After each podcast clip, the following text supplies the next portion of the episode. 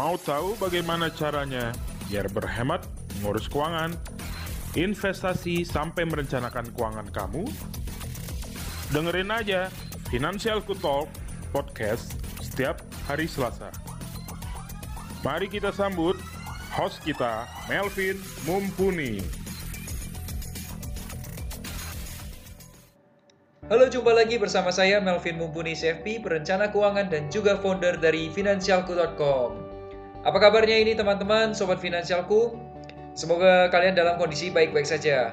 Menemani aktivitas hari ini, mungkin yang sedang nyetir atau sedang di kantor, kita enaknya ngobrol-ngobrol topik yang sedang kekinian banget. Salah satunya permasalahan yang dihadapi oleh para milenial. Apakah itu? Yes, permasalahan penting yaitu masalah utang. Teman-teman, hari ini kita akan membahas FinTalk episode ketiga.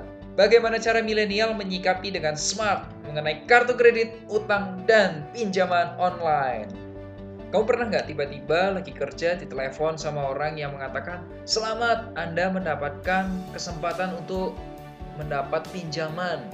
Ada mulai dari kartu kredit, KTA, kredit kendaraan, kredit rumah, kemudian juga kredit online dan lain sebagainya. Semuanya tentang kredit. Tiba-tiba mikir kan, wah sayang nih kalau nggak dipakai, udah ada penawaran kredit. Di sisi lain ada pemikiran lagi nih, tapi nanti kalau saya ambil kreditnya atau utangnya ini, saya bisa bayar nggak ya? Merusak kondisi keuangan saya nggak ya? Pernah nggak sih kamu merasa seperti itu? So, kalau kamu pernah, kamu penting banget dengerin FinTalk Podcast hari ini yaitu membahas tiga hal. Pertama, utang produktif versus utang konsumtif. Konsennya adalah apakah milenial boleh berutang?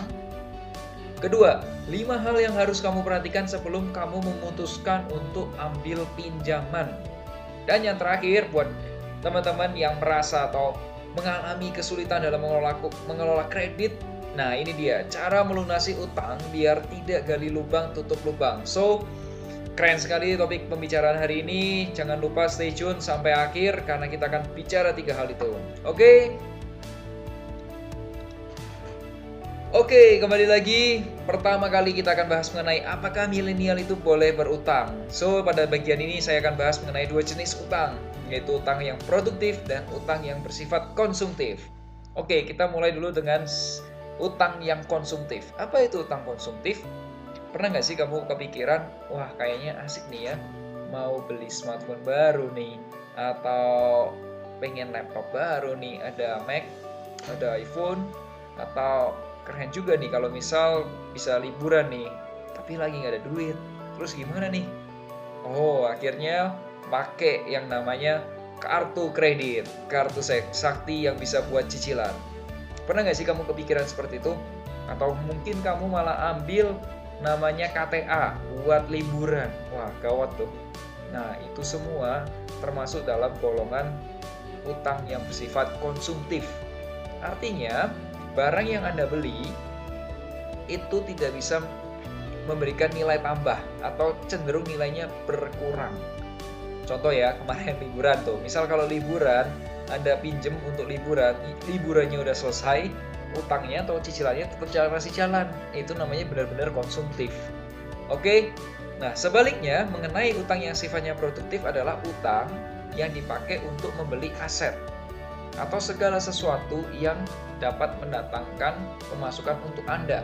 Contoh, Anda beli mobil, terus mobilnya dipakai buat taksi online dan Anda dapat penghasilan dari taksi online. Bahkan penghasilannya lebih tinggi daripada cicilan yang harus Anda bayarkan. Itu namanya utang yang bersifat produktif. Menurut Robert Kiyosaki, ternyata utang yang sifatnya konsumtif itu bakal atau bisa berpotensi membuat kita bangkrut. Gawat sekali nih. Sebaliknya, utang yang bersifat produktif itu bisa membantu seseorang untuk bisa meningkatkan kekayaannya. Ya jelas dong. Utang pakai uang orang lain, pinjam uang orang lain, beli aset, asetnya bisa mendatangkan pemasukan, bahkan bisa bayar cicilannya. Ya bisa bikin kaya dong. Nah, sebagai seorang milenial yang smart, Anda pilih yang mana nih? Utang produktif atau utang konsumtif? Dalam beberapa kondisi, memang kita memerlukan yang namanya pinjaman. Contoh, kalau kita mungkin mau beli rumah pertama, itu kan uangnya cukup gede ya mungkin uh, apartemen bisa sampai 300-400 juta dan kita belum bisa cash atau bayar kontan gitu untuk beli uh, apartemen. So yang kita lakukan adalah dengan menggunakan yang namanya kredit kepemilikan rumah atau KPR. Jadi gini, kadang kadang kala memang kita membutuhkan yang namanya pinjaman untuk beli aset-aset yang harganya memang tinggi. Tapi apa saja sih yang harusnya dipertimbangkan supaya pinjaman kita, meskipun itu pinjaman produktif, itu tidak mengganggu kondisi keuangan kita. Pada bagian berikutnya, saya akan bahas 5 hal yang harus Anda pertimbangkan sebelum Anda memutuskan ambil pinjaman. Oke? Ini nih bagian yang paling seru. 5 hal yang harus Anda pertimbangkan sebelum ambil pinjaman. Pertama adalah tipe pinjamannya. Apakah itu pinjaman yang sifatnya pendanaan? Contoh ya, seperti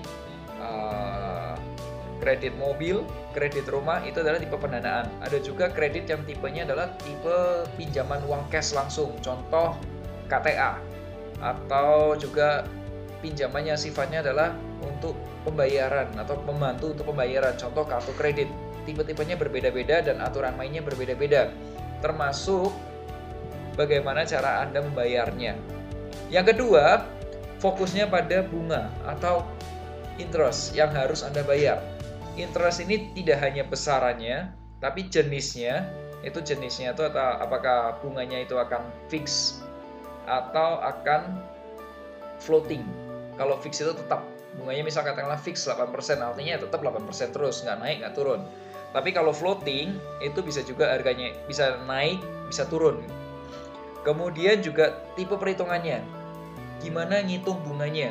apakah bunganya dibayar di depan, apakah bunganya dibayar di belakang, apakah bunganya hitungannya flat, atau bunganya efektif, atau bunganya anuitas. Perhitungannya semuanya itu akan mempengaruhi berapa besarnya cicilan yang harus Anda bayarkan. So, kalau kamu nggak ngerti perhitungannya, kamu bisa pakai aplikasi Finansialku. Di situ ada perhitungan menu lunasan utang. Di situ bisa dihitung berapa cicilan yang harus Anda bayarkan. Oke, kemudian yang ketiga adalah periode pinjaman. Ini adalah hal yang paling penting. Biasanya kalau orang-orang beli aset yang bentuknya kayak rumah, dia akan ambil pinjaman yang jangkanya panjang, mungkin bisa 10 sampai 15 tahun. Yang paling penting adalah gini, jangan sampai Anda pinjam atau masa pinjaman Anda itu jauh lebih lama daripada masa pakai produk tersebut. Contoh gini ya, anda pinjam smart uh, pinjam pinjam untuk bayar atau untuk cicilan smartphone. Ambilnya lima tahun. Padahal mungkin smartphone setahun aja udah ketinggalan gitu atau dua tahun aja udah ketinggalan gitu. Itu sama itu artinya nggak worth it gitu. Termasuk juga kalau Anda pinjam mobil. Ini kesalahan yang paling sering dilakukan oleh orang-orang. Ambil pinjaman mobil bisa lebih dari tiga tahun atau mungkin bisa lebih dari lima tahun. Pinjaman pertama, pinjaman kedua dan seterusnya itu sangat-sangat gak worth it.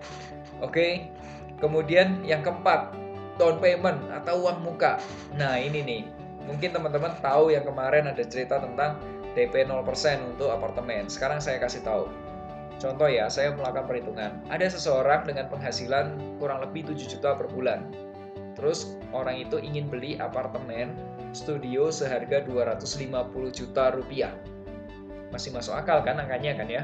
Nah, kalau tanpa TP artinya pinjamannya itu adalah 250 juta karena semua pinjem. Oke, betul? Kalau bunganya itu 8% per tahun dan periode pinjamannya periodenya adalah 10 tahun, maka kalau perhitungannya pakai anuitas yang normal-normal aja, dia harus bayar sebesar 3 juta rupiah. Cicilannya 3 juta rupiah.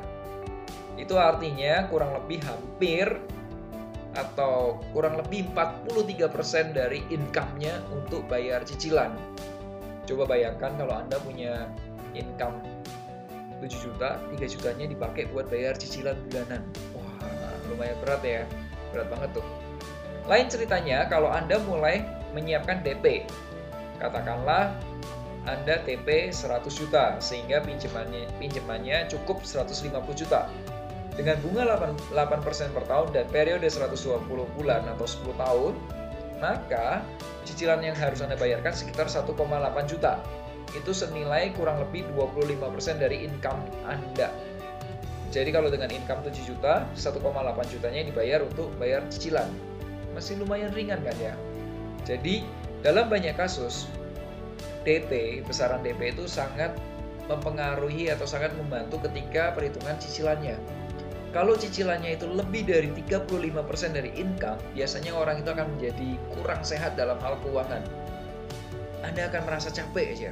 Beberapa klien kami ketika pinjaman dia di atas 50%, kita udah banyak lihat nih para perencana keuangan di finansialku udah melihat nih tanda-tandanya udah nggak sehat secara keuangan. Biasanya semperawut semuanya. Bisa-bisa atau sering kali kerjaannya pun juga nggak fokus karena kebanyakan atau kebanyakan mikir mengenai pinjaman. Itu nggak sangat-sangat nggak sehat. Dan yang paling penting sekarang adalah yang terakhir adalah kondisi keuangan saat ini. Apakah memungkinkan kondisi keuangan saat ini untuk mengambil pinjaman yang baru Seringkali yang saya temukan adalah para entrepreneur baru uh, dan juga para freelance, termasuk juga pekerjaan seperti agen asuransi. Di awal-awal karir berani langsung ambil pinjaman atau cicilan. Padahal pekerjaannya belum settle atau belum belum belum merasa tetap atau income-nya itu belum stabil gitu. Itu sangat-sangat bahaya.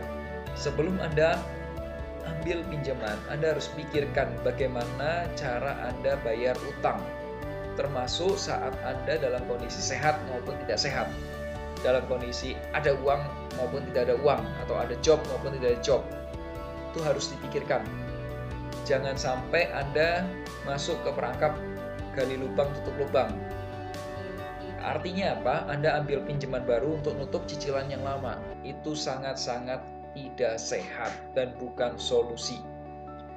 So, sebelum Anda melakukan atau sebelum Anda memutuskan untuk ambil pinjaman baru, ada lima hal yang harus Anda perhatikan. Pertama, tipe pinjamannya, tipe pinjamannya. Kedua, bunga, baik dari jumlah besarannya, jenisnya, dan cara perhitungannya.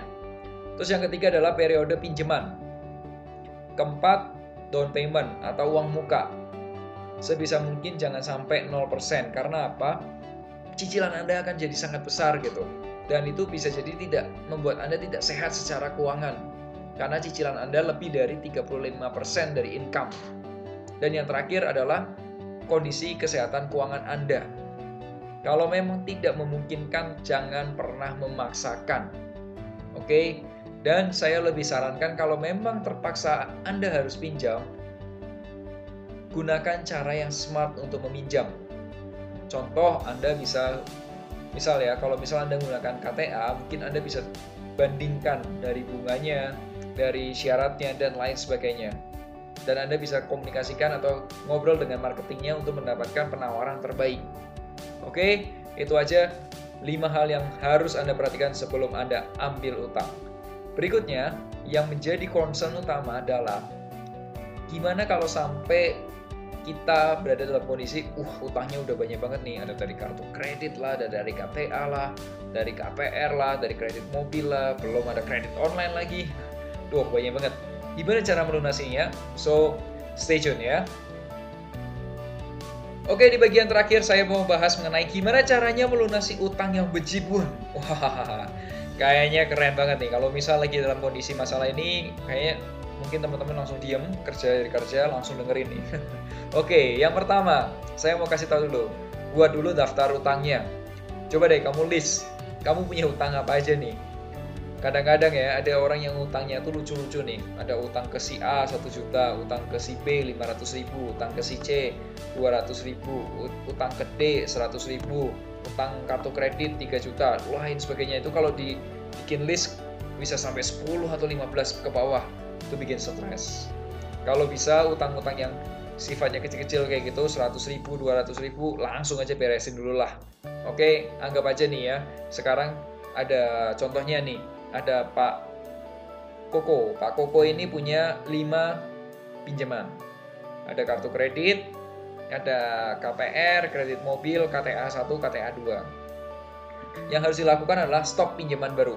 Jangan ambil pinjaman baru. Oke. Terus yang bisa dilakukan langkah ketiga adalah cari pekerjaan tambahan. Fungsinya buat apa? Gini. Fungsinya di sini adalah untuk mempercepat pelunasan utang. Oke. Jadi pekerjaan tambahan ini, income tambahan ini tidak untuk spending lebih, tapi untuk yang namanya mempercepat pelunasan utang dan atau untuk menambah dana darurat. Karena kasusnya gini, ini concern penting. Ketika seseorang fokus cuma untuk melunasi, melunasi, melunasi, melunasi, tapi dana darurat itu tidak disiapkan, bisa jadi orang tersebut harus ambil pinjaman baru karena ada kondisi darurat yang harus dipenuhi. Jadi menurut saya, berdasarkan pengalaman saya di finansialku, ngobrol juga dengan klien, sebaiknya dalam kondisi ini, selain melunasin utang, Anda juga harus punya dana darurat. Jangan sampai ambil pinjaman baru untuk kebutuhan yang sifatnya darurat. Oke? Kemudian lihat dulu nih dari daftar utang. Kira-kira utang mana yang dapat Anda lunasi paling cepat? Biasanya cari pokok yang paling kecil. Ini akan mengurangi tingkat stres Anda. Daripada Anda lihat 5 utang yang nggak kelar-kelar, mendingan Anda kelarin dulu satu jenis, satu utang yang paling mungkin diselesaikan, yaitu pokok paling kecil. Oke, contoh, misal kartu kredit mungkin nggak sih diselesaikan lebih cepat? Kalau itu bisa diselesaikan lebih cepat, selesaikan aja langsung. Terus kalau KTA-nya ada banyak, ada KTA 1, KTA 2, mungkin nggak sih itu dinego menjadi satu jenis saja KTA-nya, terus kalau sudah periodenya mungkin diperlama atau di, diaturlah supaya Anda tidak berat secara keuangan untuk cicilan, atau minta keringanan bunga, terus kalau udah fokus melunasin itu. Coba deh, atur deh. Itu sebenarnya bisa Anda negosiasikan kepada orang yang memberikan pinjaman. Anda buat hitungannya lagi. Kalau Anda mengalami kesulitan, Anda dapat menghubungi saya atau para perencana keuangan di Finansialku melalui aplikasi Finansialku. Buat kamu yang belum download, silakan download dulu aplikasi Finansialku di Google Play Store. Terus akses saja di situ ada menu tanya perencana keuangan. Kemudian cek setelah lunas satu satu pinjaman, Anda bisa fokus ke pinjaman berikutnya. Jadi seperti itulah cara melunasi pinjaman.